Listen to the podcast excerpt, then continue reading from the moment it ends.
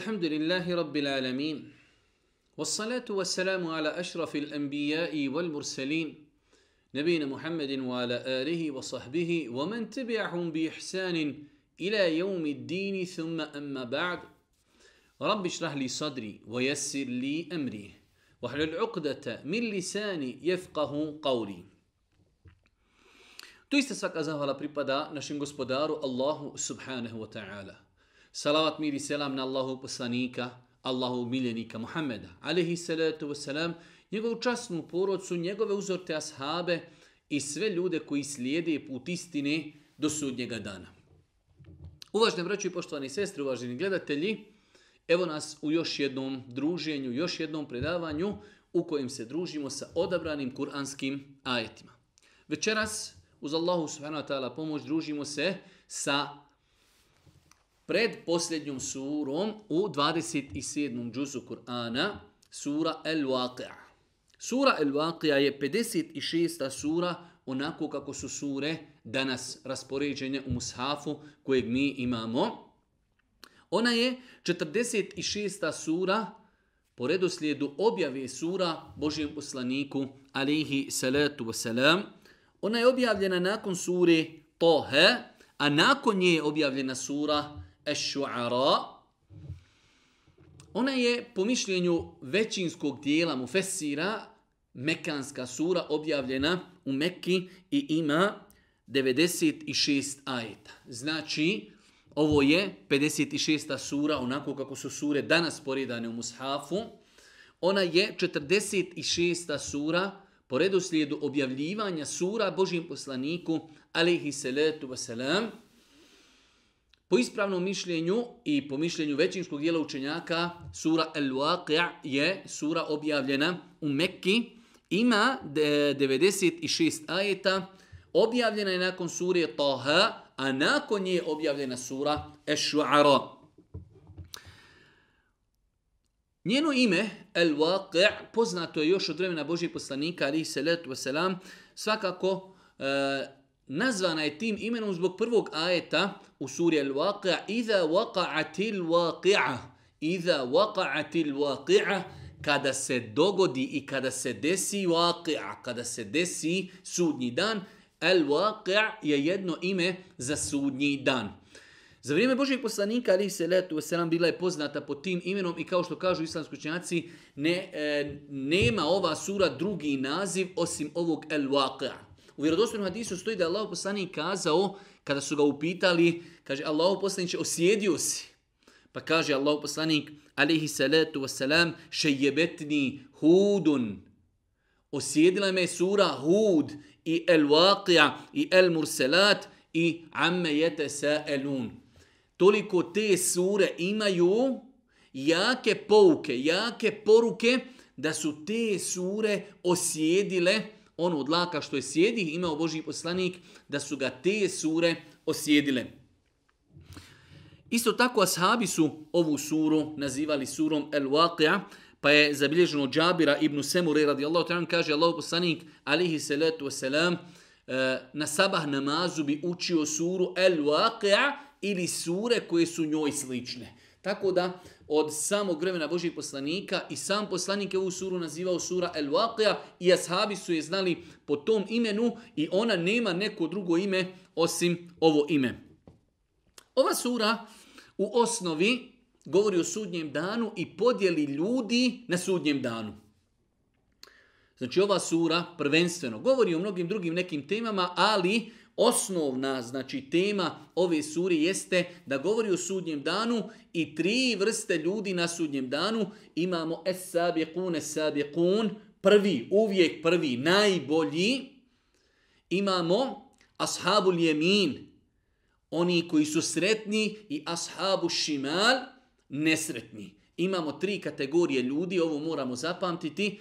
Na sudnjem danu imamo tri kategorije ljudi. Es-sabiqun, es-sabiqun. Prvi, uvijek prvi. Oni, to je najveća deređa i najveći stepen u džennetu. Imamo nakon njih opet vjernike, muslimane koji su u džennetu, ali stepen niže od njih.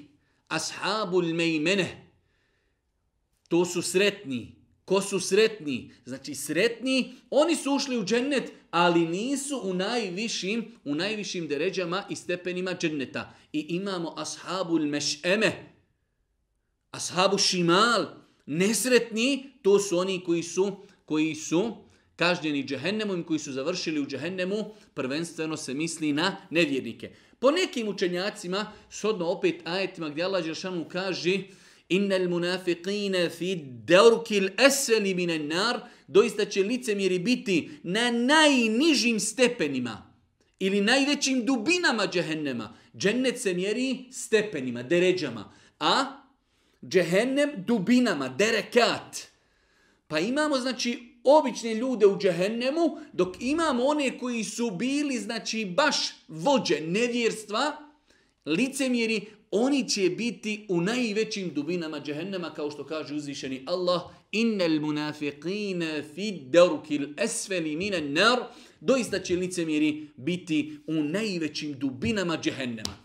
Kur'an ovdje jasno govori da postoje tri kategorije ljudi, es-sabiqun es-sabiqun prvi, uvijek prvi, ashabul mejmene, sretni, koji će biti u džennetu, ali na jednom nižem stepenu od ovih prvi. I imamo ashabul meš'eme, to su nesretni, oni koji su završili u džehennemu.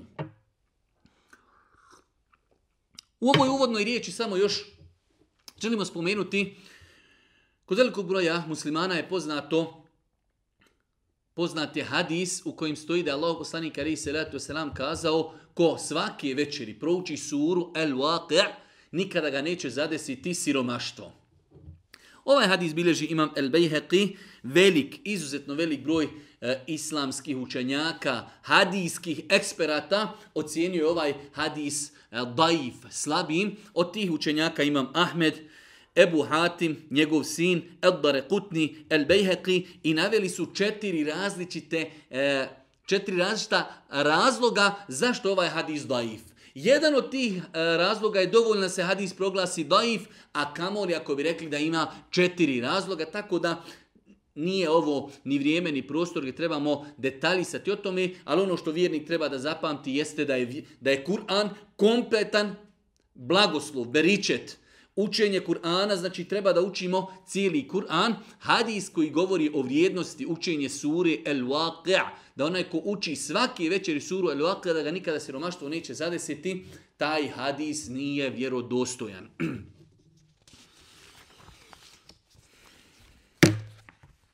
Uzvišnji Allah subhanahu wa ta'ala započinje ovu suru Al-Waqi'a pa kaže Iza waqa'ati al-Waqi'a Lejse li waqa'atiha kazibe Khafidatu rafi'a إذا رجت الأرض رجا وبست الجبال بسا فكانت هباء منبثا وكنتم أزواجا ثلاثة Uzvišeni Allah započinje ovu suru govorom o sudnjem danu. Pa kaže uzvišeni Allah, kada se događaj dogodi, kada se desi sudnji dan, el waqia je jedno od imena sudnjeg dana događanje njegovo niko neće poricati.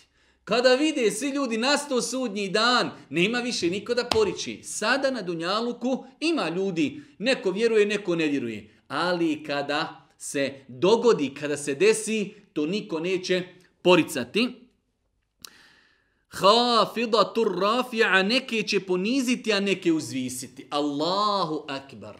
Hafidatu rafi'a. Na sudnjem danu neki ljudi će biti uzvišeni, podignuti. Makar na Dunjaluku bili bijeda, sirotinja, nepoznati, neugledni, ali će biti uzdignuti zbog njihovog vjerovanja, ahlaka, ibadjeta i tako dalje. Neki drugi ljudi na Dunjaluku su bili ugledni, bili prijesednici, pitali se i tako dalje, bogati, hafila, bit će spušteni, bit će poniženi. To je apsolutna pravda, sudnji dan. Neke ljude će uzvisiti. Na Dunjaluku imate danas, mediji uzmu nekoga na zub. Ni kriv, ni dužan. Samo zato što klanja. Samo zato što je pustio bradu. Žena samo zato što nosi nikab ili hijab. Svakim danom samo se, samo se na takve ljude paljba otvara. Na sudnjem danu apsolutna pravda. Onaj koji je zaslužio da bude uzdignut, bit će uzdignut. A onaj koji je zaslužio da bude ponižen i spušten, on će takav i biti. Kaže uzvišeni Allahu, iza ruđatil ardu ređa, kada se zemlja jako potrese i brda se u komadiće zdrobi i postanu prašina razasuta, vas će tri vrste biti. Vas će tri vrste biti. Nastupi sudnji dan, imamo ljude u tri kategorije. Veoma je bitno da znamo ko ste kategorije, njihove opise i kakve ih nagrade čekaju. Pa kaže uzvišeni Allah subhanahu wa ta'ala, počinje da pojašnjava te tri kategorije u okuntume zvađen thalathe, pa kaže uzvišeni Allah, fa ashabul mejmeneti ma ashabul mejmene, wa ashabul meš'emeti ma ashabul meš'eme, والسابقون السابقون أولئك جنات النعيم ثلة من الأولين وقليل من الآخرين Počinje uzvišeni Allah subhanahu wa ta'ala da pojašnjava tri kategorije ljudi na sudnjem danu pa kaže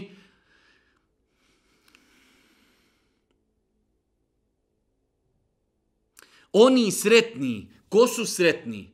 Ashabul mejmene.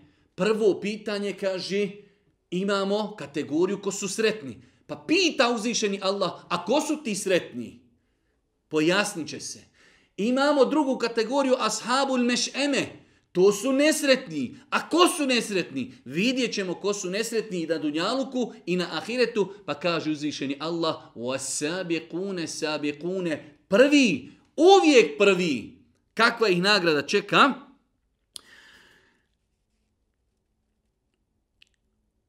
I oni prvi, uvijek prvi, oni će Allahu bliski biti. Prva stvar, najbitnija stvar, ulaike al muqarrabun, oni će biti bliski uzvišenom Allahu. Sabiqun u arapskom znači oni koji su uvijek bili prvi, uvijek su se natjecali, uvijek su žurili, uvijek su znači oni dolazili sa inicijativom za dobro djelo. Tako će oni biti nagrađeni na sudnjem danu, da će i tamo biti prvi i da će biti ulaikel muqarrabun. Oni će biti bliski kod uzvišenog Allaha subhanahu wa ta'ala u džennetskim bašćama naslada. Biće ih mnogo od naroda drevnih, a malo od kasnijih.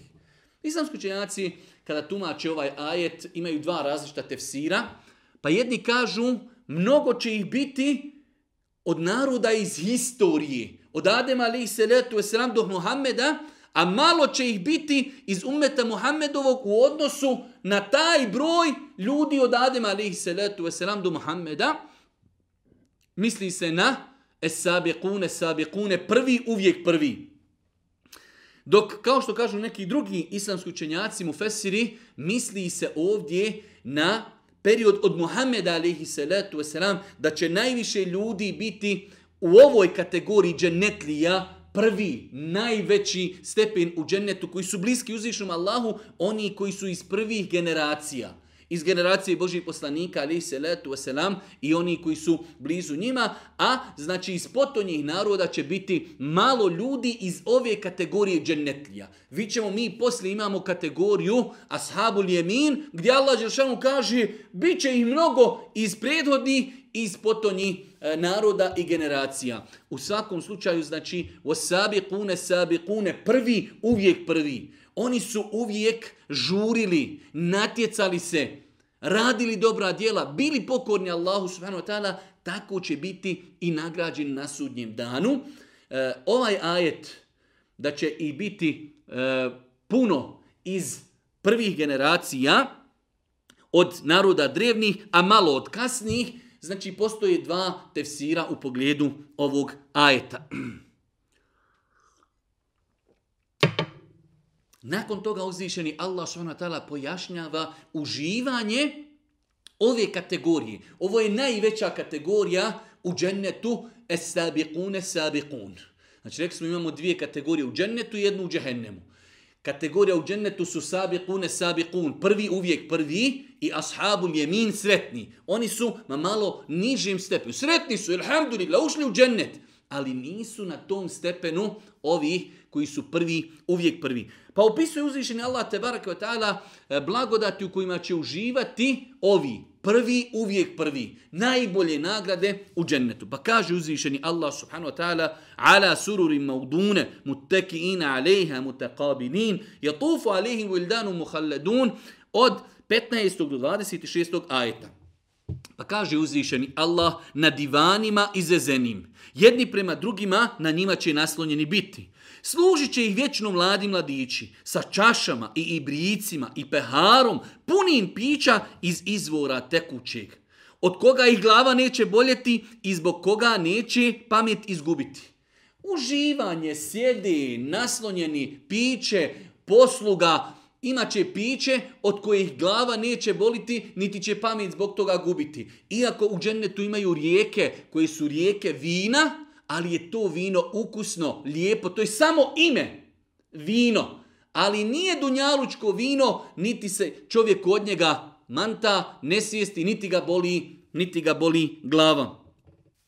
I voćem koje će sami birati, i mesom ptičim, kako budu željeli, u njima će biti hurije očiju krupni, slične biseru u školjkama skrivenom kao nagrada za ono što su činili džezaem bime kenu ja'melun.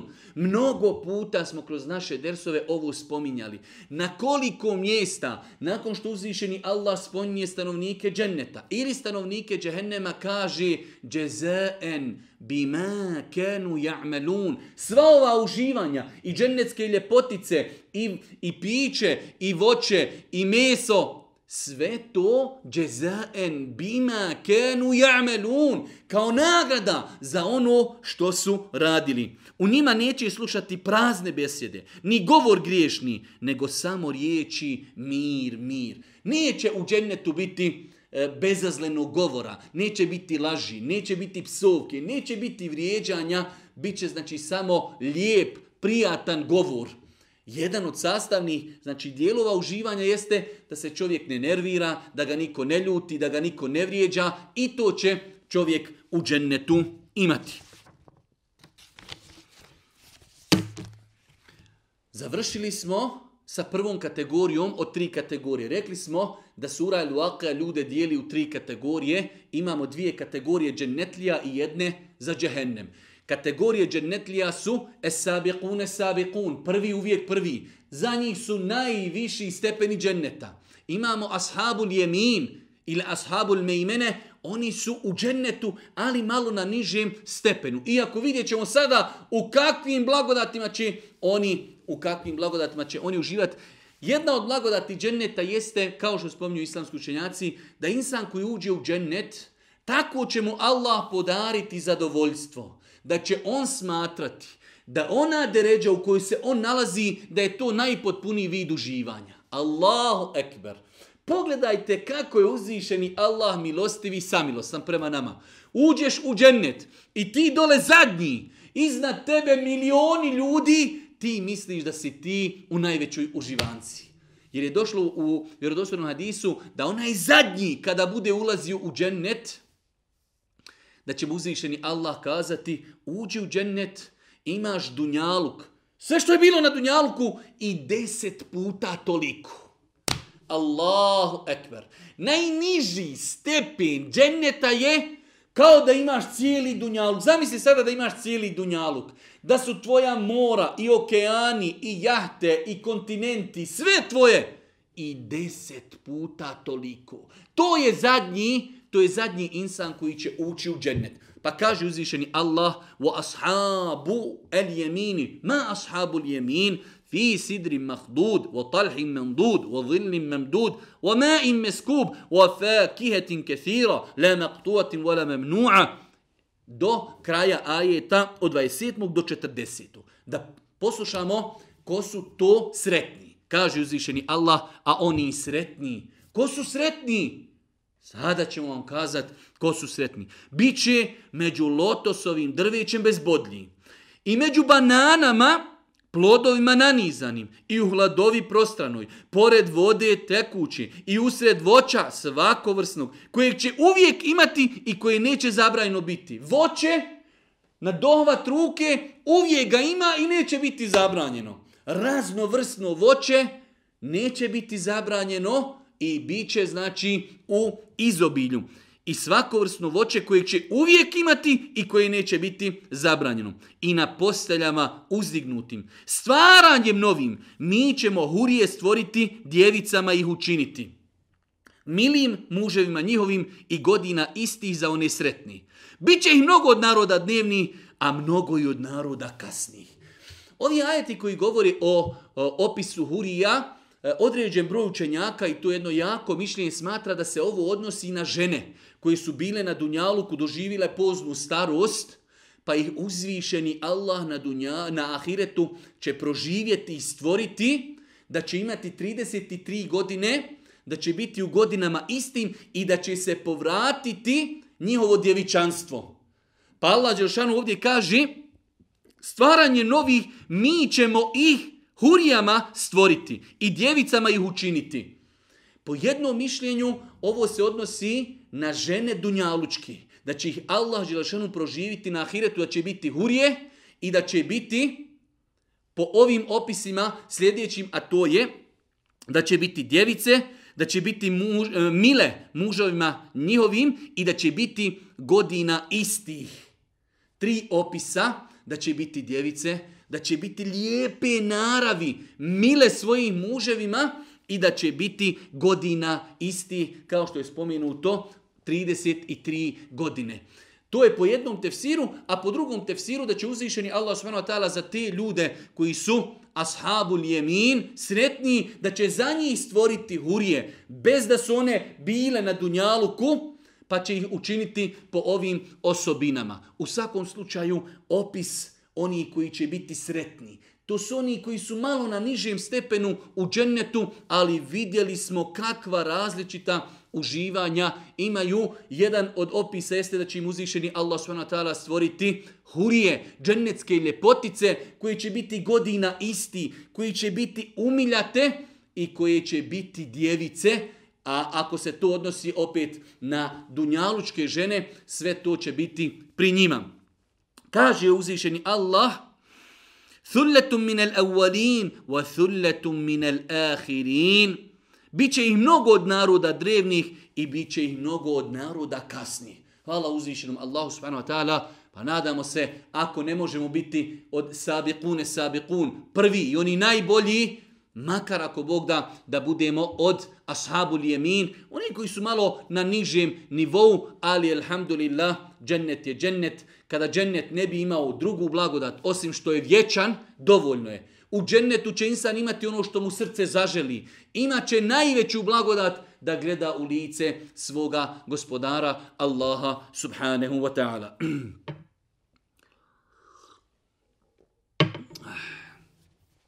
Nakon što je uzvišen Allah subhanahu wa ta'ala opisao i spomenuo e, ko su to sretni, druga kategorija džennetlija prelazi i opisuje Ko su to nesretni? Najveća nesreća je. Zapamtite, braćo, moja dragi cijene sestre. Večeras ovo zapamtite. Najveća nesreća je da čovjek umri, ode sa Dunjaluka i prodao je vječni ahiret za prolazni Dunjaluk. Pogledajte kako uzvišeni Allah SWT opisuje stanovnike džehennema, one koji su nesretni, ashabu šimal ili ashabu meš'eme. Pa kaže uzvišeni Allah SWT, واصحاب الشمال ما اصحاب الشمال في سموم وحميم وظل من يحموم لا بارد ولا كريم انهم كانوا قبل ذلك مترفين وكانوا يصرون على الحنث العظيم od 41. do 56. ajeta Allah dželešanu govori i opisuje džehennemlije nesretne zbog čega su u džehennemu pa poslušajmo kaže uzvišeni Allah a oni nesretni ko su nesretni oni će biti u vatri užarenoj. Ne treba druga kazna. U vatri užarenoj dovoljno je Allah poslanik ali se letu sram kaže ovo dunjalučka vatra je 70. dio džehennemske vatri. Dovoljno je stanovnicima džehennema da će biti u vatri. Ali ima mnogo drugih iskušenja. Oni će biti u vatri užarenoj. I vodi ključaluj. I u sjeni dima čađavog. I dim i vatra i voda ključala. Ja Allah, ja Allah, spasi nas zaštiti nas. Gospodaru, molimo te, tvojim najvećim imenom, da nas sačuvaš vatri džehennema. Užarena vatra, ključala voda, dim, može li biti šta gori od svega toga? U kojoj neće biti sežine ni ikakvi, do, nikakve dobrini. Oni su prije toga raskošnim životom živjeli i uporno teške grijehe činili. Dvije stvari kojima uzvišeni Allah opisuje džehennemlije. Innahum kanu qable zalike mutrafin. Oni su rasipnički živjeli. Živjeli samo za dunjaluk. Nisu se osvrtali na halal, niti na haram, niti na propise, niti na ono što je zabranjeno. Raskošno razbacivali, trošili, bacali, kao da nikada neće otići sa dunjaluka. La ilaha illallah. Posjeća li vas ovaj opis imalo na nas? Innehum kanu qable zalike mutrafin. Danas ljudi nezadovoljni. Auta, kuće, stanovi, mobiteli, laptopi, putovanja, sve živo. I opet ljudi nezadovoljni. La ilaha illallah. Pa kaže uzvišeni Allah subhanahu wa ta'ala innehum kanu qabla zalika mutrafin. Oni su prije toga raskošnim životom živjeli i uporno teške grijehe činili. Uporno, kontinuirano. Jednom uradi grijeh vjernik, može se desiti, ali se vrati gospodaru, pokaje se, plaće, dovi, ja rabo, prosti mi. Džehennemlije su šta? Uporno radili velike grijehe. Dva propusta. Uporno, kontinuirano i šta? Velike grijehe. Najveći grijeh, kao što spominju mu Fesiri od Ibnu Kefira i drugi, je širk. Uporno su činili širk Allahu Tebaraka ve ta'ala, smatrali da neko pored Allaha je božanstvo, da je neko kao Allah, da je neko pored Allaha zaslužan da mu se robuje. Pa je najveći grije širk. Kažu islamski učenjaci, mu fesiri, zašto će, zašto će stanovnici dženneta ostati u džennetu vječno i stanovnici džehennema vječno? Kao nagrada za njihovu namjeru, Vjernici su na Dunjaluku govorili i potom je živjeli. Kada bi živio sto godina, ja ću živjeti ko vjernik i umrijeću na tome. A nevjernici, i oni su govorili, kada bi živio sto godina, ja ću biti nevjernik. Ja neću vjerovati u Allaha. E, shodno tomi, kao što si ti govorio, ja ću ostati nevjernik koliko god da živim, e tako si dobio nagradu. Pa je mu'min, vjernik, dobio vječni džennet. Jer je on tijelo vječno da robuje Allahu. A nevjernik je dobio vječno džehennem jer je htio da ostane vječno nevjernik. Pa kaže uzvišeni Allah i oni su govorili, to je treći opis stanovnika džehennema, zar kada umrijemo i zemlja i kosti postanemo, zar ćemo zbilja biti oživljeni. Zar i drevni preci naši? To je onaj problem kojeg su imali Arapi, a imamo i mi danas. Zar kad pomrijemo i kosti naše izumru, kako ćemo proživljeni biti mi i generacije prije nas? To je problem zbog nevjeru. Mi vjerujemo muslimani da nas je Allah stvorio, da će nas On usmrtiti i da će nas On proživjeti i da ćemo stroge račune polagati na sudnjem danu. Pa kaži, reci, I drevni i kasni narodi u određeno vrijeme, jednog određenog dana bit će sakupljeni i tada ćete vi, o zabludjeli koji poričete oživljenje, sigurno zdrveta za kum jesti i njime ćete trbuhe puniti, pa zatim na tu ključu voda, vodu piti poput kamili koje ne mogu žeć ugasiti. To će na onome svijetu biti gošćenje njihovo. Bićete vi proživljeni pa ćete jesti od zrveta koji se zove ezekum. Ezekum. U drugoj suri, suri Duhan, Allah Đašanu kaže drvo zekum bit će hrana griješnika i nevjernika. U trbuhu će kao rastopljena kovina vrijeti. Kao što voda kada ključa vrije. Subhanallah, hrana z drveta zekum koja će u stomaku ključati. E to je kazna stanovnika džehennema. Zašto?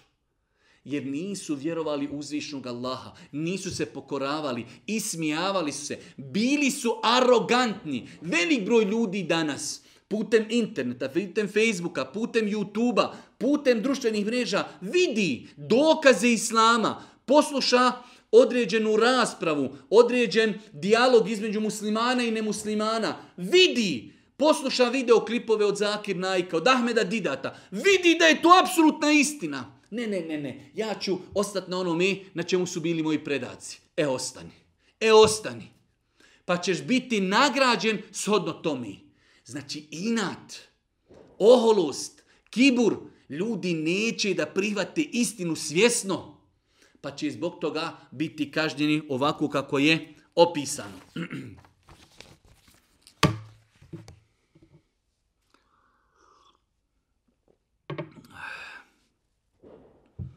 Nakon što je uzvišeni Allah subhanahu wa ta'ala spomenuo ove tri kategorije ljudi, السابقون السابقون واصحاب اليمين ما اصحاب اليمين واصحاب الشمال ما اصحاب الشمال prvi uvijek prvi sretni ko su sretni nesretni ko su nesretni govorio je o njihovim uživanjima govorio o njihovom kažnjavanju razlogu njihovog kažnjavanja na kraju govori uzvišeni Allah da su oni sumnjali u proživljenje pa u tom kontekstu uzvišeni Allah subhanahu spominje četiri stvari koji ukazuju da je on gospodar zemlje i nebesa.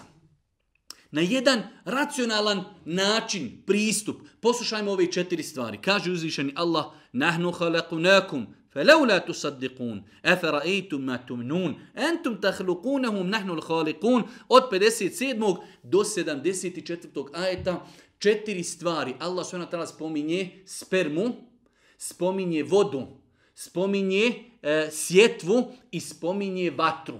Četiri dokaza, velika dokaza koji ukazuju na veličinu uzvišenog Allaha. Pa kaže uzvišeni Allah, mi vas stvaramo. Pa zašto ne povjerujete? Čudi se Allah. Mi vas stvorili, a vi ne vjerujete.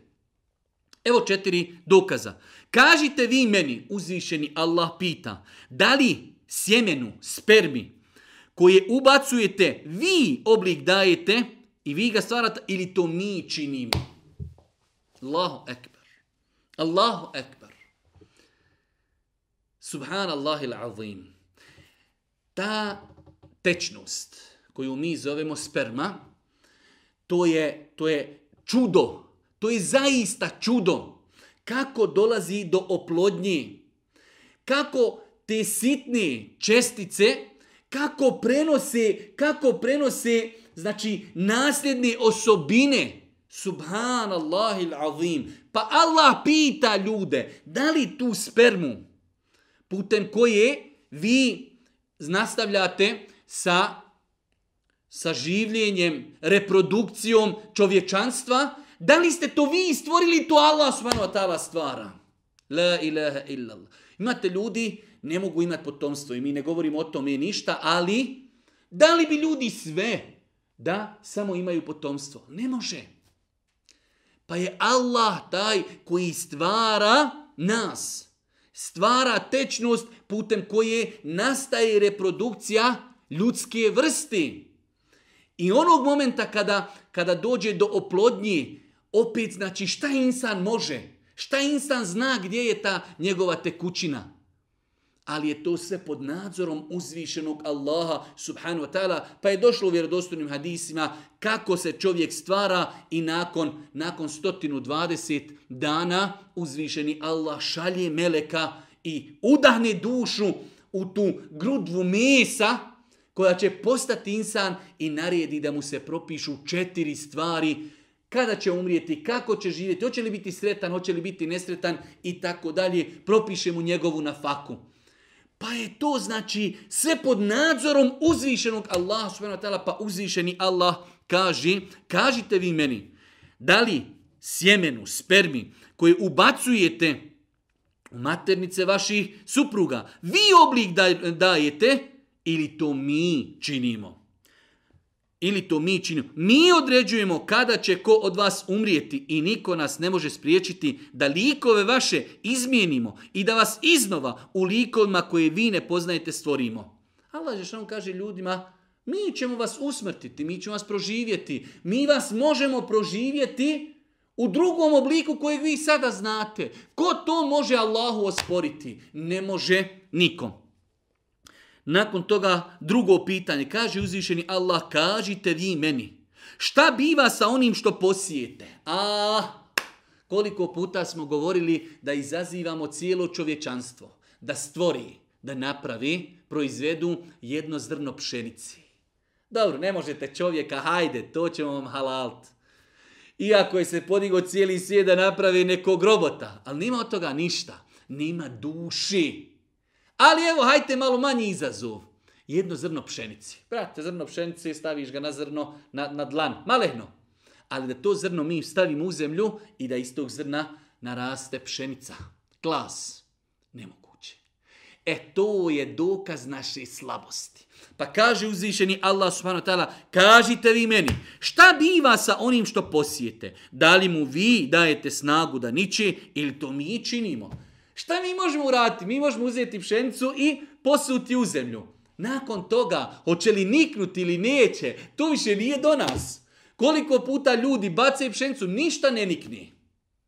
Nije to znači samo posijati. Ne. Treba da to oživi. Treba da to nikni. A to ne može bez Allahove subhanahu wa ta'ala dozvoli. Subhanallahil azim, kako nas uzvišeni Allah poziva na jednostavan način da razmislimo. Pa kaži, šta biva sa onim što posijete? Da li mu vi dajete snagu da niči? Ili to mi činimo? Ako hoćemo, možemo ga u suho rastinje pretvoriti, pa biste se čudili. Mi bi se čudili i govorili, mi smo doista oštećeni, čak smo svega lišeni. Allah Žešanu kaže da hoćemo, možemo da, da ne nikne uopšte. Jer je uzvišeni Allah stvoritelj zemlje i nebesa. Kada želi nešto samo kaže budi i ono mora da budi. Treće pitanje. Znamo da postoji na zemlji dvije vrste vode. Slatka, pitka voda i slana. Ko je taj koji je stvorio slanu vodu? Ko je taj koji je stvorio slatku vodu? Ko je taj koji daje da voda koja s neba dolazi u obliku kiše je slatka? Mogla bi biti i slana. A šta kada bi bila slana kiša? Kako bi mi živjeli?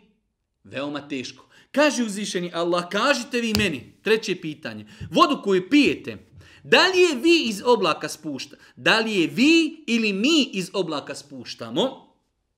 Ako želimo, možemo i slanom učiniti. Pa zašto niste zahvalni? Allahu ekber. Voda koja iz oblaka dolazi, mogla bi biti slana. Efele teškurun. Zašto ne budite zahvalni Allahu subhanahu wa ta'ala? Pogledajte dole u zemljama siromašnim u Africi koliko ljudi prepješače da zagrabe jedan kanister mutnije vode a mi dođemo u kupatilo, odvrneš, hoćeš toplu, hoćeš ladnu i tako dalje. Subhanallahi azim. A uzvišeni Allah može dati da ta voda koja pada bude slana, pa da je ne možemo piti. Pa da imadimo velika iskušenja u svome, u svome životu.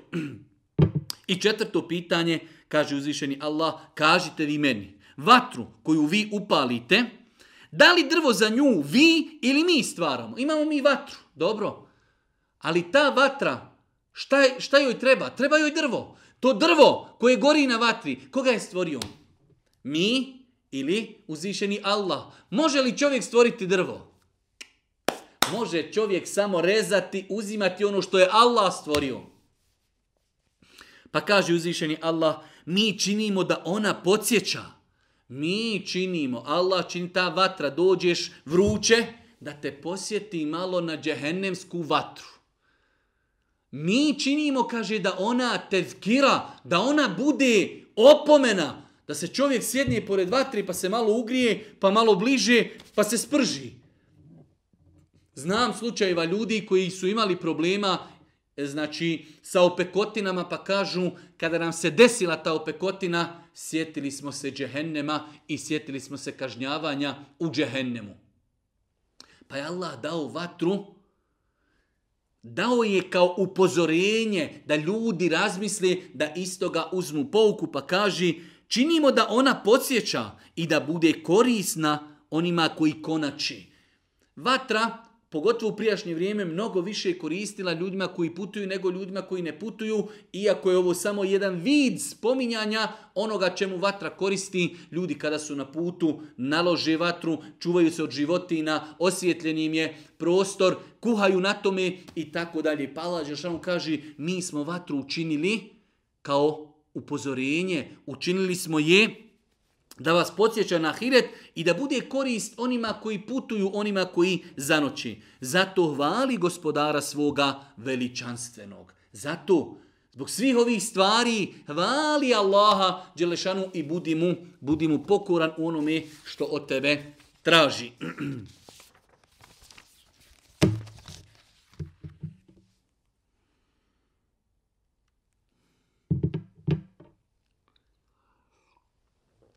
Kaže uzvišeni Allah subhanahu wa ta'ala nakon što je spomenuo ova četiri, četiri dokaza, govori nam o Kur'anu, a nakon toga finalno na kraju sure će govoriti o one tri kategorije ljudi. Pa kaže uzvišeni Allah فَلَا أُقُسِمُ بِمَوَاقِعِ النُّجُومِ وَإِنَّهُ لَقَاسَمٌ لَوْ تَعْلَمُونَ عَظِيمٌ إِنَّهُ لَقُرْآنٌ كَرِيمٌ في كتاب مكنون لا يمسه إلا المطهرون تنزيل من رب العالمين I kunem se časom kada se zvijezde gube. Fela uqsimu bi mawaqi'in nujum. Uzvišeni Allah, rekli smo da se dosta puta u Kur'anu zaklinje određenim velikim stvorenjima. Jedno od velikih stvorenja jesu i zvijezde, a isto tako sam taj nestanak zvijezda i pojava zvijezda je opet dodatni fenomen. Da zvijezde se noću pojavljuju, danju nestaju, pa se uzvišeni Allah zaklinje tom pojavom nestanka i pojave zvijezda, pa kaže i kunim se časom kada se zvijezde gubi. A to je, da znate, zakljetva velika. Kod Allaha je to zakljetva velika. On je zaista Kur'an plemeniti u knjizi brižljivo čuvanoj. On je Kur'an zaista plemeniti. U knjizi brižno čuvanoj dodirnuti ga smiju samo oni koji su čisti. On je objavljen od gospodara svjetova, pa kako ovaj govor omalovažavate i umjesto zahvalnosti, što vam je hrana darovana, vi u njega ne vjerujete. Allah Žešanu govori o Kur'anu i da bi ljudi trebali da budu zahvalni Allahu tebarake wa ta'ala što im je objavio ovaj veličanstveni Kur'an, Inna hadha al-Qur'an yahdi lillati hiya aqwam. Doista ovaj Kur'an ukazuje na najbolji mogući put. Laqad anzalna ilaykum kitaban fihi dhikrukum afala ta'qilun. Mi vam objavljujemo knjigu u koju je slava vaša. Wa laqad yassarna al-Qur'an lidhikri fa min mudakkir. Mi vam objavljujemo Kur'an, ali smo ga olakšali i za hifzanje, i učenje, i razmišljanje, i za praksu, fehel mi mudekir, ima li oni koji pouku hoće da uzmu? Ovdje uzviši Allah kaže, la yamassuhu illa almutahharun dodirnuti ga smiju samo oni koji su čisti. Velik dio učenjaka smatrao je da ovaj ajet ukazuje da je obaveza čovjeku kada želi da dodirne mushaf, da bude čist od abdesta. Tačno je Allah Želšanu najbolje zna da ovaj ajet se ne odnosi na mushaf, već se odnosi na leuhi mahfuz i da se odnosi na meleke. Da se odnosi na meleke, a posebna je tema da li vjernik može i smije dodirnuti mushaf bez abdesta. Četiri pravne škole su smatrale da čovjeku nije dozvoljeno da dodiruje mushaf ako nema abdesta. Može učiti Kur'an. Čovjek, znači, velik broj ljudi ne pravi razliku. Čovjek može učiti Kur'an bez abdesta da dodiruje mushaf. Sjedi čovjek u autu, pješači, u kući e, i tako dalje. Sjedi uči e, Kur'an. A'udhu billahi mine shaitanir rajim. Bismillahirrahmanirrahim. Qul huwa Allahu ahad. Allahu samad. Lam yalid wa lam yulad wa lam yakul lahu kufuwan ahad. Znači, Kur'an se može učiti bez abdesta. Svakako da je lijepo imati abdest. Pitanje je da li se Kur'an može dodirivati bez abdesta. Mushaf. Pa su četiri škole to zabranjivale. Allah najbolje zna. Allah najbolje zna. historijski gledano, smatram da je možda takav pristup ljude u jednu ruku odaljio od Kur'ana. Allah najbolje zna opet šta je propisao svojim robovima. Ljudi se boje mushafa, boje ga se dotaknuti, a mushaf treba da bude tu negdje na našem stolu, da ga uvijek uzmemo i da ga lagano iščitavamo. Tako da, s druge strane, ako pogledamo sve argumente koji obavezuju čovjeka da ima abdes kada dodiruje mushaf, svi ti argumenti ili su vjerodostojni, a nisu jasni, ili su jasni, a nisu vjerodostojni. Tako da sam ja po ugledu tog pitanja malo liberalan, znači svakako da je lijepo da čovjek ima mushaf, kada dira mushaf da ima abdest, ali da je to stroga obaveza i da je haram dotakjeti mushaf bez abdesta, ja to lično ne smijem kazati. E, pogotovo, pogotovo kada je u pitanju znači olakšanje ljudima, ljudi koji su negdje na putovanju, hoće da iskoriste vrijeme u autobusu, u avionu, u brodu, imaju mushaf, želi bi da nešto čitaju, da uče, da li mogu da uče bez abdesta, e, znači ja bi svakako tim ljudima dopustio da u takvim situacijama iskoriste vrijeme i da uče Kur'an iz mushafa, pa makar i nema li, makar i nema li abdest. uzvišeni Allah subhanahu kaže umjesto zahvalnosti što vam je hrana darovana, vi u njega ne vjerujete. A zašto vi, kada duša do guši dopri i kada vi budete tada gledali, a mi smo bliži od vas, a vi ne vidite, zašto je onda kad niste u, tuđom, u tuđoj vlasti ne povratite ako istinu govorite, Allah Đeršanu govori o slučaju kada čovjeku nastupe smrtne muke, ko može tada čovjeku pomoći? Evo, ako vi tvrdite nema gospodar, ako vi tvrdite da nešto posjedujete, kada čovjeku dođe moment smrti, hajde da ga spasimo. Ne može ga niko spasiti osim uzvišeni Allah subhanahu wa ta'ala. I na kraju, i na kraju ove suri od 88. do 96. ajeta uzvišeni Allah se ponovo vraća govori o one tri kategorije ljudi. Rekli smo imamo dvije kategorije dženetlija i jednu onu koja je u džehennemu, koja je u propasti. Pa imamo es-sabiqun, es-sabiqun, prvi uvijek prvi. Wa ashabul jemini, sretni, wa ashabu šimali, nesretni, džehennemlije. Pa kaže uzvišeni Allah, fa emma in kane minel muqarrabin, fa rauhun, wa rajhanun, wa džennetu na'im. Ako bude jedan od onih koji su Allahu bliski, es sabiqun es sabiqun, ulaike al muqarrabun. Kaže uzvišeni Allah, fa emma in kana min al qarrabin, ako bude od onih koji su bliski, udobnost i obskrba mlijeka, lijepa i džennetske blagodati njemu. Ako bude od ove kategorije, uživaće blagodati, uživaće džennetske, uživaće džennetske ljepote, ferauhun, wa rejhanun, wa džennetu na'im, udobnost, obskrba lijepa i džennetske blagodati njemu pripadaju. Rekli smo da je to najveći vrh dženneta i najveći stepeni uživanja. وَمَا إِنْ كَانَ مِنْ أَصْحَابِ الْيَمِينَ فَسَلَامٌ لَكَ مِنْ أَصْحَابِ الْيَمِينَ Ako bude jedan od onih koji su sretni, ko bude u kategoriji džennetlija. Rekli smo, nama je bitno da budemo, ako Bog da u džennetu, a uzvišeni Allah će dati nama zadovoljstvo onim u čemu se nalazimo. Ako bude jedan od onih koji su sretni, pa pozdrav tebi od onih koji su sretni. Ovdje, e, ovo pozdrav tebi, Islamski učenjaci kažu da je to pozdrav melijeka stanovnicima dženneta kada budu dolazili da uđu u džennet, da će ih oni pozdravljati i da će ih obradovati vješću vi ste džennetlije, vi ste od ove kategorije. A ako bude وَمَنْ كَانَ مِنَ الْمُكَذِّبِينَ الضَّالِينَ Ako bude jedan od onih koji su poricali i u zabludi ostali, pa ključalom vodom biće ugošćen i u ognju pržen ako bude min ashabi šimal, ako bude nesretan, ako bude od onih koji je lagao, ako bude od onih koji je poricao, ako bude od onih koji nije vjerovao u Allaha subhanahu wa ta'ala, nije slijedio Muhammeda alaihi salatu wasalam i mi smo dosta puta do sad rekli i ponovili, dolasku Muhammeda alaihi salatu wasalam jedini spas je u islamu.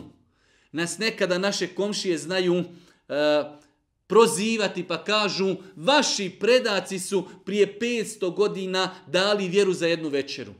Mi se ponosimo našim predacima koji su prije 500 godina, kada nije bilo nauke, kada nije bilo ilma, shvatili su vrijednost Islama, koju danas, nažalost, mnogi i putem interneta i knjiga i svega nisu još shvatili.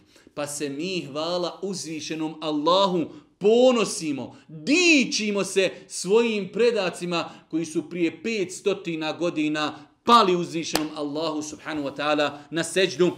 Pa znači, nakon pojavi Muhammeda i dolaska Muhammeda alaihi salatu wasalam, inna dine inda Allahi islam, jedina priznata vjera kod Allaha je islam. Pa kaže uzvišeni Allah subhanahu wa ta'ala, ako bude jedan od onih koji su poricali i u zabludi ostali, pa ključalom vodom bit će ugošćen i u ognju pržen. Ključala voda vruća, evo, bujrum, i u ognju vatra pržen. La ilaha illallah. Kada bi ljudi samo znali čime im se prijeti. Sama je istina, zbilja, sve ovu Sama je zbilja. Kaže uzvišeni Allah subhanahu wa ta'ala inna hadha lahu haqqul yaqin.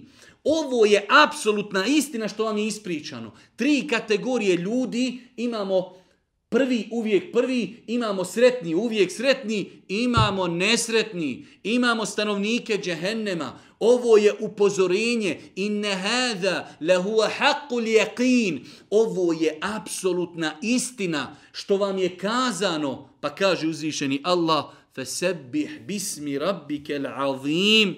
Zato hvali ime gospodara svoga veličanstvenog. Vali Allaha, veličaj, budi mu pokoran, budi zahvalan što te je odabrao u ovoj dalekoj Bosni da budeš Allahov iskreni rob, da budeš musliman, da kreneš putem koji vodi ka džennetu. Molim uzvišnog Allaha subhanahu wa ta'ala da nas učini od stanovnika dženneta. Molim ga subhanahu wa ta'ala da nam omili iman, i prakticiranje onoga što znamo, molim ga subhanahu wa ta'ala da nas zaštiti od džehennema i svega što vodi ka džehennemu, da li to bila dijela ili to bile riječi, molim ga subhanahu wa ta'ala da nam bude milosti u nasudnjem danu, da nam oprosti grijehe i na kraju subhaneke, Allahumma ve bihamdike, ešhedu en la ilaha illa ente estagfiruke, wa etubu ilik. Ah.